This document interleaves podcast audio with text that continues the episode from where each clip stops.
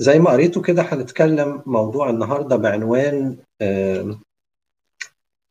بمسيرك معنا نمتاز عن جميع الشعوب قبل أبتدي الموضوع عايز أقول مقدمة صغيرة كده عن فكرة إنه من الحاجات اللي إبليس بيحارب بيها ناس كتيرة قوي فكرة العمومية اللي هي إيه؟ إنه أنت ما أنتش أحسن من أي حد. وابليس شاطر إنه يضرب لك أمثلة كتير. بص فلان وفلان والحادثة الفلانية وبيجمع أسوأ أمثلة ممكن تتجمع. ويحط قدام عينيك الفكرة ويملى القلب بالمخاوف. ابليس شاطر في الحكاية دي وأنت هتكون أحسن منهم فيه موسى في يوم من الأيام وقف قدام ربنا وقال له بماذا نمتاز عن بقية الشعوب الذين على وجه الأرض؟ أليس بمسيرك معنا؟ ده كلامي النهارده. أليس بمسير ربنا معانا ينفع إن إحنا نم... أو مفروض إن إحنا نمتاز عن بقية الشعوب؟ أكيد. حتى لو أنا النهارده مش بختبر الحاجة دي هي فإحنا بنتكلم عشان نتعلم مع بعض إن إحنا نعيش حاجة زي دي هي وان إحنا نختبر حاجة زي دي. عجبتني زمان ترنيمة مش عارف كلكم عارفينها ولا لأ ترنيمة اسمها أخبرني كل الأصحاب بتاعت واحد اسمه بهجت عدلي بيقول كده في بيت أنا مطلعها قدامي. بيقول كده أخبرني يوما أصحاب أنك أحببت البشرية أنك قد مت عن الذنب فوهبت حياة أبدية فظننت أنني بالجملة رقما من ضمن الأرقام انسانا لا أعني شيئا عبثا أحلامي وأيامي. مش الفكر ده بيجي لناس كتير قوي بيجي لنا في أوقات كتير إن أنا مجرد رقم من ضمن الأرقام. سبعة مليار نسمة على الأرض أنا واحد منهم. إنسان لا أعني شيئا. كل أحلامي وأ- وأيامي دي عبث. دي أنا بس اللي بفكر فيها وأنا بحلم بيها. مش على بال حد ومش على بالك أنت كمان. ويمكن في اتجاهات روحية تقول لك ربنا ما يهموش غير حياتك الأبدية. يرد على نفسه في الترنيمة ويقول كده بهجت له اختبارات حلوة قوي اللي منكم سمعها في ترانيم تانية في مقدمات الترانيم قال بعضها. يقول لكني اليوم مذهول في حبك أنك تعنيني. لو أني على الأرض وحيد لأتيت الهي لتفديني. ما أعظم حبك من حب يخترق القلب ويسبيني. يجعلني أتوجك ملكا على كل حياتي والسنين ده اختباره الشخصي وأنا النهاردة رب مذهول من حبك أنك تعنيني. إن أنا بالذات باسمي بشخصي وبظروفي إن أنا شخص مهم بالنسبة لك وإن أنت كمان بتدور عليا وإن أنت يهمك أمري وإن أنا مش مجرد رقم من ضمن الأرقام عبثا أحلامي وأيامي. بمسيرك معنا نمتاز عن جميع الشعوب. أنا موضوعي النهاردة هيبقى في نقطتين والنقطتين مش كبار. أول نقطة منهم طبعا إحنا امتيازنا عن بقية الشعوب يأتي بمعية الروح القدس لينا. أنا مش هتكلم كلام كبير النهاردة لكن هتكلم كلام كتابي واختباري ينفع كل واحد منا يعيشه و... و... ويشبع ويت... ويفرح بيه في حياته. يمكن الآيات تبقى صعبة بس اللي وراها معاني بسيطة وسهلة قوي. ينفع كل واحد منا يبقى في حتة تاني خالص وهو عايشها ويبقى بيقول مع الراجل اللي قال كده لكني اليوم في ذهول من حبك أنك تعنيني. أنا رب شخص مهم بالنسبة لك. مهم قوي ومهم أكتر ما كنت أتخيل وأكتر من ما الناس كمان حسستني وأكتر مما إبليس حاربني وبين لي إن أنا عديم القيمة. مهما إبليس رخص في عينيا أمري لا يا رب أنا مش كده.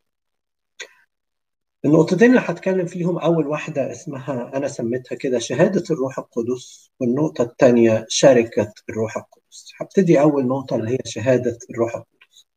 نفتح مع بعض رسالة روميا الاصحاح الثامن عدد 14 ل 17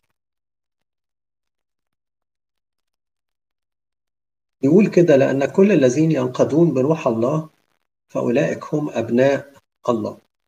إذ لم تأخذوا روح العبودية أيضا للخوف بل أخذتم روح التبني الذي به نصرخ يا أبا الآب الروح نفسه أيضا يشهد لأرواحنا أننا أولاد الله. فإن كنا أولادا فإننا ورثة. أيضا ورثة الله ووارثون مع المسيح. إن كنا نتألم معه لكي نتمجد أيضا معه. عايز أركز معاكم في حتة الميراث اللي هو بيتكلم عنها. بصوا بيقول إيه؟ الروح نفسه أيضا يشهد لأرواحنا أننا أولاد الله. إحنا دلوقتي بنتكلم فيه شهادة الروح القدس. فإن كنا أولادا فإننا إيه؟ ورثة. ورثة الله ووارثون مع المسيح. الفكرة دي هو اتكلم عنها في رسالة غلطية في الإصحاح الرابع فكرة الميراث وفكرة الوارث وفكرة الابن اللي من حقه الميراث والابن القاصر اللي لسه لا يستحق الميراث. غلطية أربعة. أنا مش هروح للشاهد بتاع غلطية لكن هركز معاكم هنا علشان نركز في حتة واحدة. فكرة الميراث وفكرة القاصر والابن المستحق للميراث فكرة كانت موجودة في أنظمة قديمة. يمكن وقت الكلام ده ما كان بيتقال. وبشكل ما ما زالت موجودة دلوقتي بطريقة أخرى في بعض الأنظمة. كان زمان الابن ما يتسماش إنه ابن أو ياخد لقب إن هو آآ زي ما بيقول كده إن أنا أولاد الله ما ياخدش اللقب ده. غير لما يصل لسن معين لو كان بابا توفى لما يصل لسن معين ياخد اللقب ده. كان بيحصل إيه؟ بابا توفى أو بابا مش يعني ساب الأرض وهو بابا ده كان غني. وهو لسه صغير لكن من حقه كل الميراث بس مش من حقه إن هو يستعمله.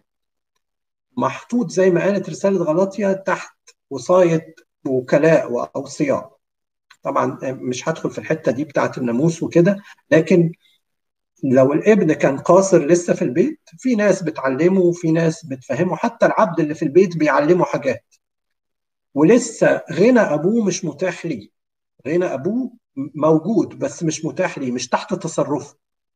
لغاية ما يبلغ السن كان يروح المحكمة ويعلن هناك في المحكمة انه هو ده الابن الوارث ومن ساعتها يبقى كل الغنى بتاع أبوه تحت أمره. يقول هنا الكتاب إيه عن الروح القدس؟ الروح القدس هنا يشهد عدد 16 لأرواحنا أننا أولاد الله. في حاجة جوانا ربنا مديها لنا؟ بتقول الشهادة دي ما بنستناهاش مش محتاجين زمن علشان نستناها. كل اللي آمن بالله وخد عطية الروح القدس. في حاجة جواه كده دايما بتعلن ليه إن انت أنت ابن. مش بس انت ابن. من يوم ما أخذت البنوية مش من بكرة من النهارده وأكشلي مش من النهارده ده من امبارح ومن أول امبارح ومن أول أول كان من حقك استخدام الميراث. كل ليك عارف لما تروح بلد وتاخد الجنسية بتاعتها أو الباسبور بتاعها يوم ما بيعملوا لك الاحتفال بتاع الجنسية ده بيقول لك أنت من حقك إنك تستمتع بكامل حقوقك كمواطن في البلد دي هي. أنت بقيت واحد من البلد دي. الميلاد الجديد بيدينا نفس الحاجة بالروح القدس. يشهد لارواحنا اننا أولاد الله. في حاجة جوانا بتقول إن أنت من حقك تتمتع بامتيازات كتيره قوي من النهارده أو اكشلي من يوم ما خدت الروح القدس. ما بتتمتعش بيها ليه؟ دي قضية ممكن نتكلم فيها. بس دي مش قضية ليها علاقة بنعمة الله. دي قضية ليها علاقة بحيداننا إحنا أو بتقصيرنا إحنا. لكن في الحقيقة هو ادانا إن إحنا ما نستناش. أبناء وورثة ووارثون مع المسيح وعربون الميراث محطوط جوه قلوبنا علشان نستمتع بيه من النهارده ونستمتع بيه كل يوم في حياتنا.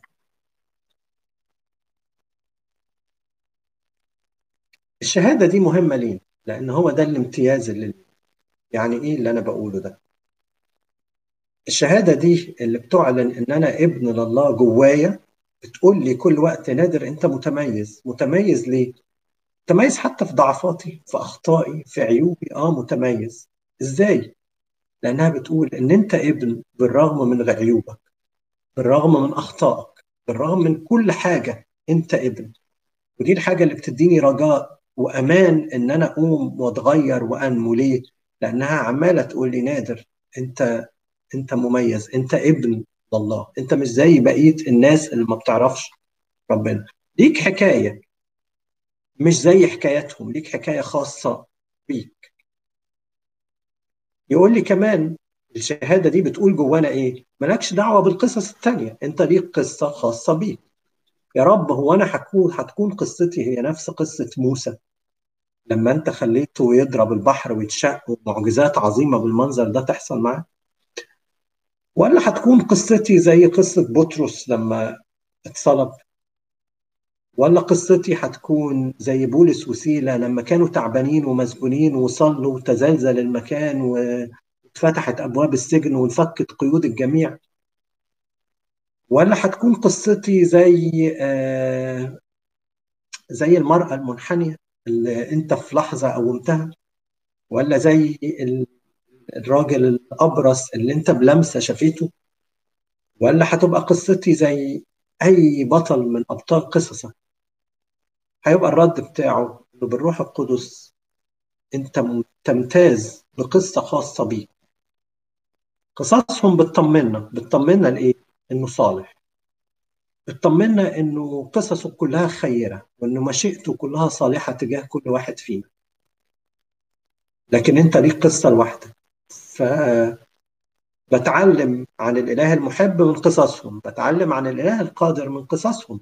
بتعلم عن الإله الذي لا يشاء موت الخاطئ مثل ما يرجع ويحيا من قصصهم. بتعلم كل حاجة عنك من قصصهم. لكن أنا ليا قصتي اللي في الآخر. حتى لو الناس ما شافتهاش أحسن قصة أنا هبقى راضي فيها وفرحان إن هي أحسن قصة لأن هي القصة المناسبة. ربنا يقدر يعمل معانا كده.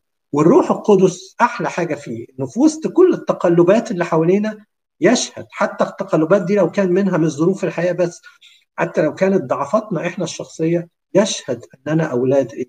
الله وورثة ووارثون مع المسيح.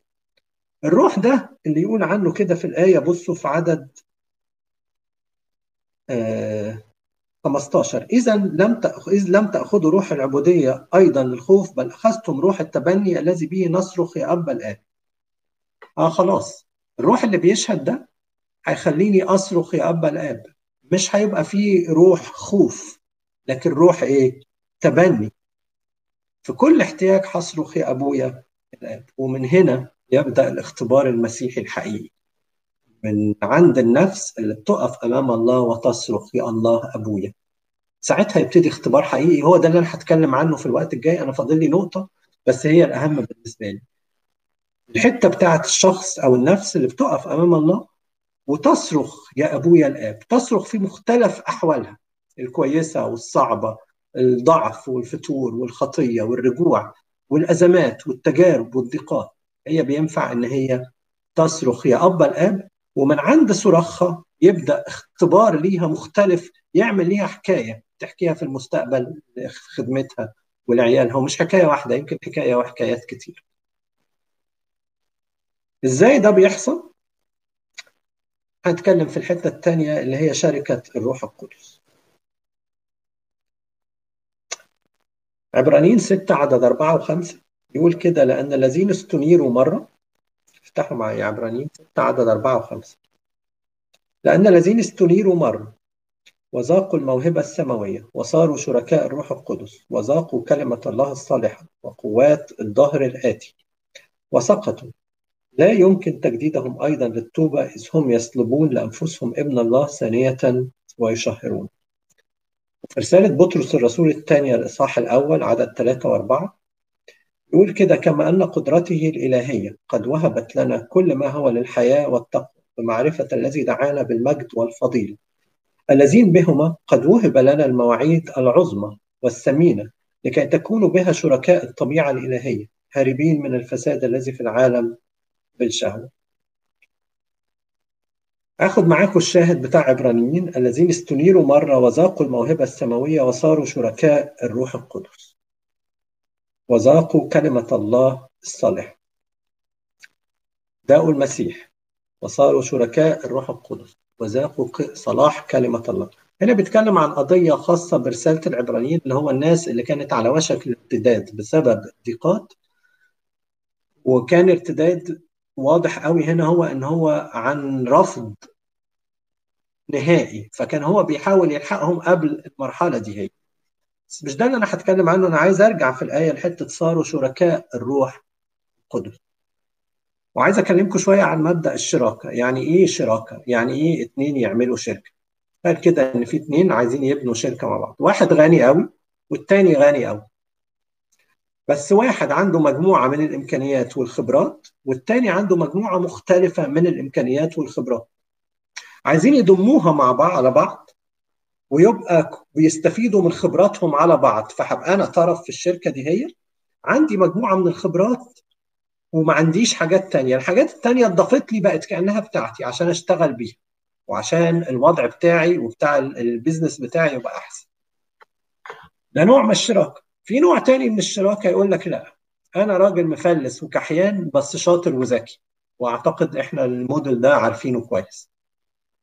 وواحد تاني غني قوي قوي قوي فيعمل طب تعالى هنعمل شركة مع بعض. أنت ب 50% أنا هنعملها 50% 50% أنا بفلوسي وأنت بمجهودك أو أنا بمجهودي وأنت بفلوسك.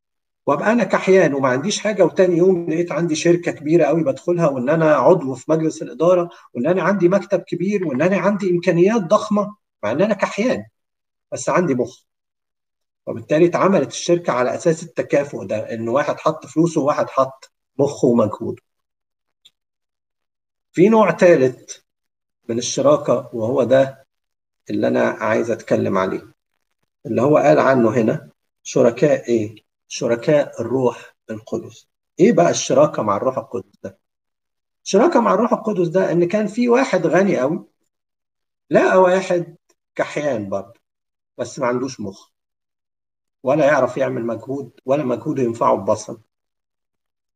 فقرر يعمل معاه شركة. إيه أساس الشركة دي هي؟ أساس الشراكة دي حاجة واحدة أو حاجتين.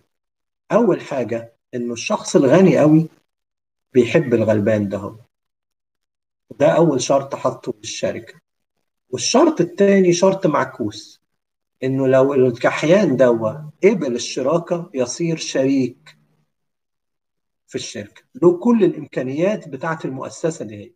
هي هو لأنه لا يملك شيء فهو كل الإمكانيات اللي بقت ليه بقت إمكانيات الراجل الغني ومجهوده وفلوسه ومخه وكل حاجة مع إن هو لا يستحق أي شيء. أنا فاكر ترنيمة كده كنا بنقولها زمان بتاعت إلهي إلهي كن قائدي. تقول يا له من عمل سر إلهي عجيب أكون شريكا بطبيعة الحبيب. همسات حبه للقلب تذيب صرت له أسير وخدت لي نصيب.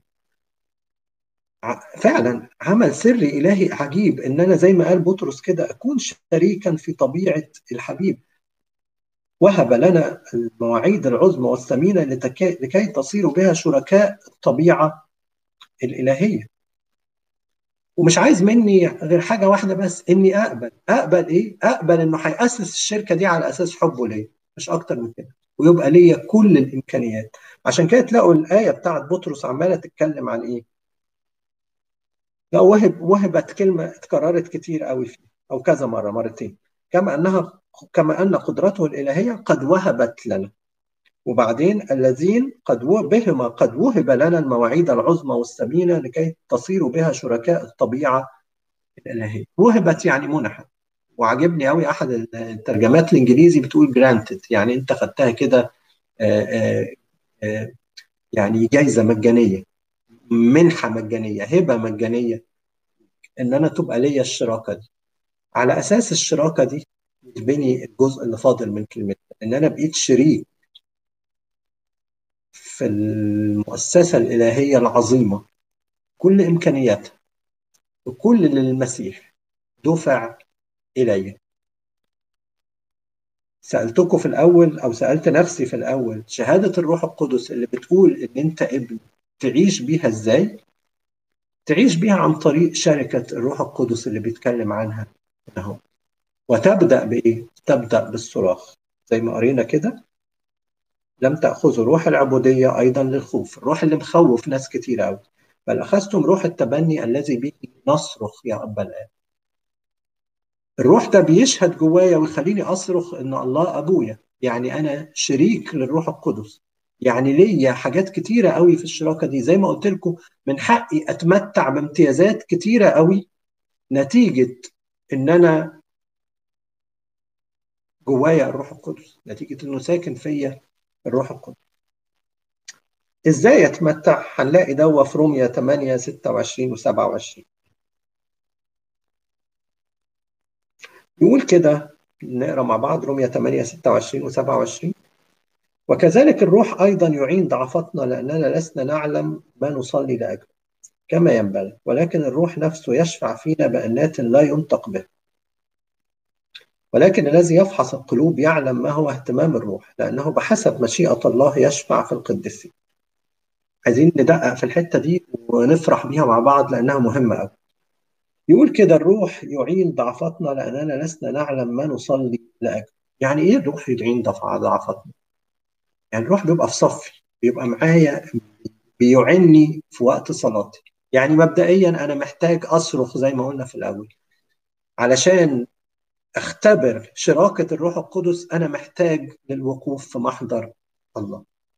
ويقول كده الكتاب إن الروح القدس هيعمل إيه في وقت صلاتي؟ هيعمل حاجة أنا مش متعود عليها قوي هي إيه؟ إنه يشفع فيا. اخدها معاك حتة حتة. لسنا نعلم ما نصلي لأجله. هو الكتاب بيقول كده أنتوا بتبقوا محتاجين حاجات بس مش عارفين تصلوا إزاي. بتصلوا بحاجات غيرها. أنا اللي بصلي بيه عادة هو التعبير الشخصي بتاعي عن احتياجي اللي ممكن يطلع غلط وممكن ما بيبقاش بيعبر عن احتياجي لكن مجرد بيعبر عن تعبي من ضغط الاحتياج ده عليا. يعني لو تفتكروا كده رحيل مع مع يعقوب لما كانت مش بتخلف إحنا عارفين عدم الخلفة في العهد القديم كان يعتبر عار عند الست لأن كل واحدة كانت منتظرة أن يجي من نسلها المسيح. فكانها ما تخلفش دي كانت حاجة طبعا ما بقاش ليها وجود دلوقتي لكن وقتها كان وقت وضع صعب إن ست تبقى مش بتخلف. فرحيل كانت تعبانة. فراحت قالت ليعقوب إيه؟ قالت له هب لي بنين وإلا أموت.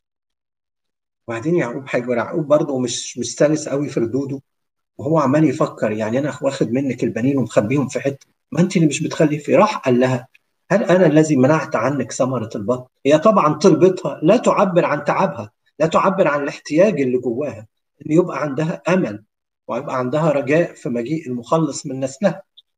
بس عبرت عن تعبها إنها مش بتخلف بالطريقة دي. ساعات في أوقات كتيرة قوي إحنا نعمل كده مع ربنا، إن إحنا بنقف نصلي ومش بنقول اللي هو عايز يسمعه بلاش كده مش بنقول اللي بحسب مشيئته مش بنقول الصالح لينا مش بس بنعبر غلط بنعبر وإحنا متمسكين بحاجات مش هي اللي هتشبع الاحتياجات اللي جوانا. والأخطر من كده إنه ساعات الحاجات دي ما بتبقاش بحسب مشيئة الله. يعني في الآخر لو أنا خدتها يمكن تضرني ما تفيدنيش يمكن ما تبقاش للخير اللي ربنا قصده لي. أفتكر كده إنه طلبه أحد الطلبات أنا بسميها الطلبات اللي طلبتها من ربنا زمان واتشحتفت عليها قدام ربنا. وعايز أقول لكم قضيت ليالي بالدموع قدام ربنا أصلي له من أجل الأمر ده. مش محتاج أقول لكم إن أنا كنت في الصلاة بلاقي معوقة جامدة قوي وكأن الروح عمال يقول لي مش كده مش دي مش الصلاة دي مش دي المشيئة مش ده الخير. وأصر وكنت تعبان قوي وعمال أصلي ومش راضي أبطل صلاة. ويمكن دي الحاجة الصح الوحيدة اللي عملتها في القصة دي إن أنا ما بطلتش صلاة. وربنا اداني نعمة في الحتة دي هي إنه بعد سنين طويلة طبعا ربنا ما حققش الطلبة وصالحني مع فكرة إنه الطلبة دي مش هتحصل أو مش هتحصل بالطريقة اللي أنا عايزها. بعد سنين طويلة يعني وده مش بيحصل دايما كتير لكن ربنا اداني إن أنا أشوف نتيجة لو طلبتي دي كان هو وافق لي عليها من ساعتها وعملها. أنا كنت هكره نفسي كنت هكره حياتي. أنا أشكر ربنا على الطلبات اللي بيستجيبها وأشكره على اللي ما بيستجيبش ليها بالطريقة اللي أنا عايزها قبل حتى ما أشكره على اللي بيستجيب لي.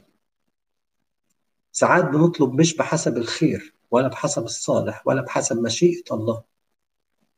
أنا رب النهارده تعبان وحاسس بالوحدة ونفسي يبقى ليا شريك حياة. وأصلي وأتعب وأمين في الصلاة فعلا والموضوع اتأخر فعلا. أنا مش بناقش الحاجات دي هي كلها. والروح القدس شايف إنه الشخص ما ظهرش على الساحة. الشخص اللي أنت عايزه يا رب ما جاش لسه. ولو الشخص ده جه دلوقتي مش هيرضى بنادر. ويمكن لو جه دلوقتي نادر ما يشوفوش. ونادر محتاج حاجات كتيرة قوي يتعلمها علشان لما يجي الشخص ده هو يشوفه والشخص كمان يشوف. نادر. لسه اللي موجود على قدام نادر دلوقتي مش هو اللي فيه الخير. دي أنات الروح القدس. يقول كده الكتاب يشفع فينا بأنات لا ينطق بها. إنه في موازي لصلاتي صلاة تانية خارجة من عمق أنين النفس من جوه. بتخرج لله تترجم صلاتي. أنا عمال أقول أتجوز وهو عايز عمال يقول يا رب اديله راحة واديله هدوء وتشبعه بالحب دلوقتي. و... وممكن تعوضه بطريقة واثنين وثلاثة إلى أن يأتي يا رب الزمان اللي من عندك أنت. مش هينفع دلوقتي يا رب لأنه مش دي المشيئة. يشفع فينا بأنات لا ينطق بها والأنات دي مالها بيقول عنها الكتاب كده بحسب مشيئة الله يشفع في القديسين. بحسب مشيئة الله يصلي عن القديسين. يعني وأنت بتصلي في عمل كبير قوي بيحصل اسمه عمل الروح القدس في الصلاة.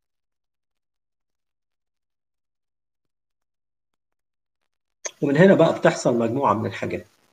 يعني لما ببتدي أطلب عمل الروح القدس في الصلاة ببتدي مش بس الروح القدس يصلي بالمشيئة لكن يبتدي الروح القدس يصالحني على المشيئة دي هي. ياما الواحد في في تواصل الصلاة ابتدى اللي هو عايزه نفسه يتغير لأن الروح القدس ابتدى يعمل حاجة يصالح النفس مع مشيئة الله. ابتدى يعمل حاجة تاني. إنه يطلب من الله المشيئة. ابتدى يعمل حاجة كمان إنه يعرفني المشيئة ويصالحني عليها ويخليني طرف في تنفيذها كمان. تخيل ممكن الروح القدس يعمل الحاجات دي كلها. الروح القدس في الصلاة يديني شفاء يديني حرية يديني تعزية يديني فرح. كل مرة بقى فصلي الأنات دي بتشتغل عشان تعمل حاجة فيا. بتاخدها من الرب مش قال كده يأخذ مما لي ويخبركم.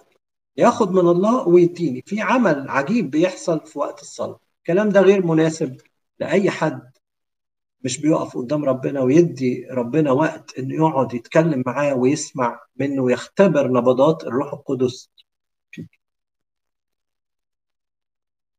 الأمر المهم هنا أنا ضربت مثال لكن الأمر المهم هنا هو حالة التغيير اللي بتحصل لكل واحد وهو بيصلي وهو واقف قدام ربنا. الحاله دي مش قادر أقول لكم عظيمة قد إيه. أمور يمكن تبقى سنين بتفكر فيها وتلاقيها في قعدة صلاة فرجت اتحلت. يعني مثلا في اليوم الخمسين لما حل عليهم الروح القدس حصل إيه؟ اتكلموا بألسنة. أنا عايز أسأل كل واحد منكم سؤال علشان تتكلم بألسنة تاخد من عشان تتكلم مش بألسنة عشان تتعلم لغة تاخد منك قد إيه؟ عشان تتعلم لغة وتوعظ بيها تاخد منك قد إيه؟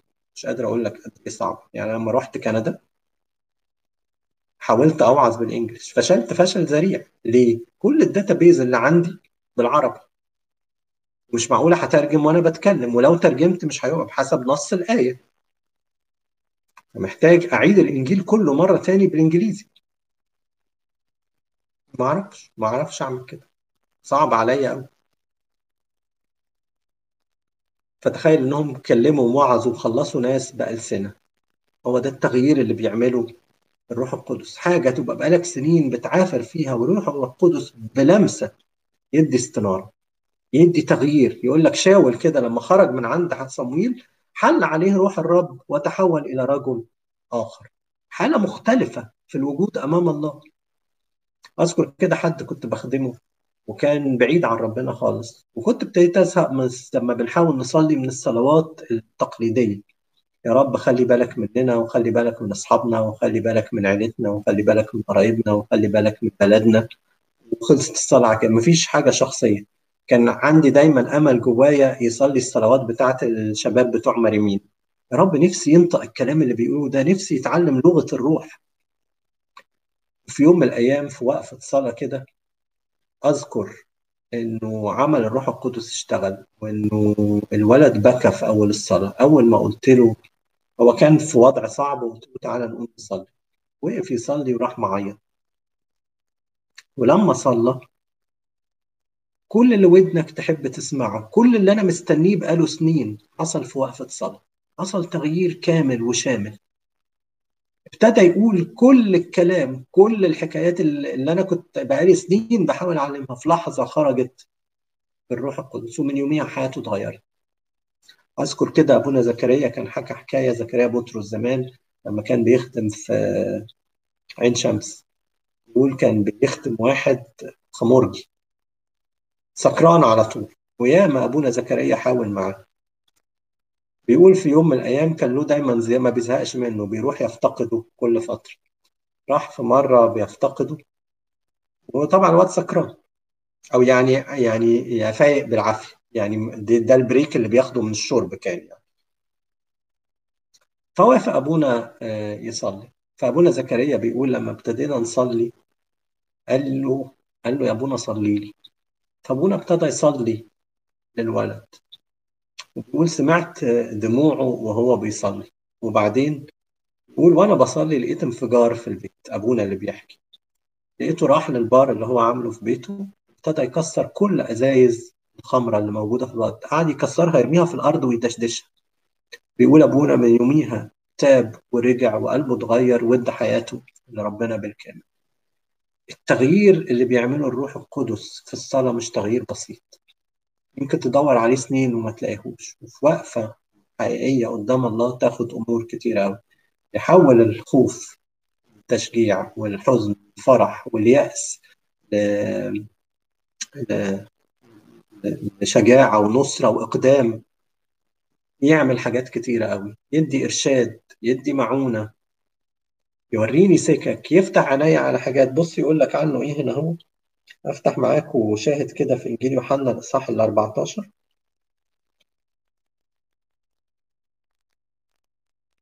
عدد 12 ل 16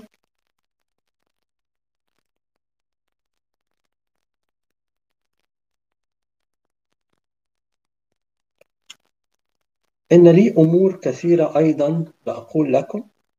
ولكن لا تستطيعون أن تحتملوا الآن. وأما متى جاء ذاك روح الحق فهو يرشدكم إلى جميع الحق لأنه لا يتكلم من نفسه بل كل ما يسمع ويتكلم به ويخبركم بأمور آتية.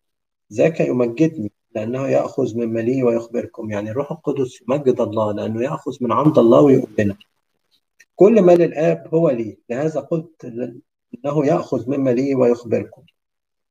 بعد قليل لا تبصرونني ثم بعد قليل أيضا ترونني لأني ذاهب إلى الآن فأول عدد 12 كده في صح 14 يقول إن لي أمورا كثيرة أيضا لأقول لكم ولكن لا تستطيعون أن تحتملوا الآن.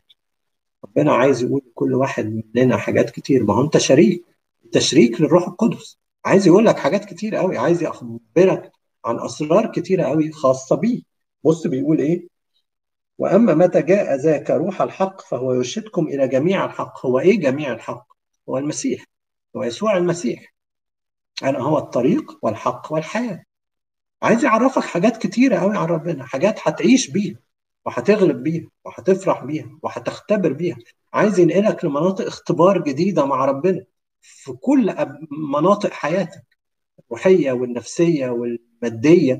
في كل اخت... كل مناطق حياتك عايز يعرفك بشخصه فعلا. لكن يقول لهم كده إن لي أمور كثيرا أيضا أقول لكم. هتقولها إزاي؟ متى جاء ذاك روح الحق. أنا دوري إن أنا أتأكد إن أنا مليان وبتملي كل يوم من روح الحق في الصلاة. إن أنا بشترك في الصلاة.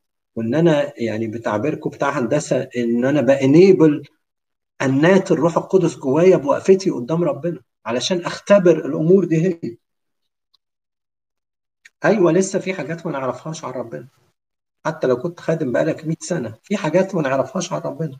لسه هيمشينا في اختبارات اسمها اختبارات جميع الحق. شايفين بيقول لهم إيه؟ يرشدكم إلى جميع الحق. لسه هيورينا حاجات. لو أنا هطلع معاكم خطوة عملية أنا ما قلتهاش في موضوعنا لأن هي يعني بديهية. امسك في الصلاة. وفي الوجود في محضر الله عشان الروح القدس يشتغل في حياتي بقوة. ودوق يعني إيه؟ أنا من شركاء الطبيعة الإلهية. أنا المفلس. أصبحت شريك في أعظم مؤسسة في الكون في ملكوت الله. إزاي أنا من حقي النهارده أمتاز أشبع وأتمتع بكل خيرات أبويا؟ إزاي أنا النهارده منحت؟ مش النهارده بقى من يوم معرفة المسيح. منحت ليا جنسية سماوية من حقي أتمتع بكامل حقوقها وأنا موجود على الأرض. قال كده إنه ما لم تره عين وما لم تسمع به أذن لا يخطر على قلب إنسان أعده الله للذين يحبونه فأعلنه لنا بروحه. النهارده إحنا من حقنا حاجات كتير. ما أقدرش أناقش النهارده حد ما بيقعدش في محضر الصلاة بفلسفات الكلمة. دي معناها إيه ودي مش معناها إيه؟ ودي ترجمتها إيه ودي مش ترجمتها إيه؟ ودي قالوا عليها كذا بس دول قالوا عليها كذا. كل ده كلام فاضي. ما يوصلش لحاجه يوصل للحاجة الحقيقية هي الاختبارات الحقيقية اللي بالروح القدس اللي ربنا بيديها لنا من العشرة معاه وبالوجود في محضره. أيام صعبة؟ أيام صعبة مش مختلفين. لكن تخيل كده إن أنت عندك الاوبشن إن تبقى أيام صعبة ماشيها لوحدك أو أيام صعبة وملك الملوك ورب الأرباب وضابط الكل هو المعين بتاعي في الأيام دي. فرق شاسع قوي يعني حاجتين ما ينفعش يتقارنوا ببعض. النهارده إحنا مدعوين إن إحنا نستمتع بإن إحنا شركاء الروح القدس لنا كل المجد والكرامة من الان والى الابد تصبحوا على خير.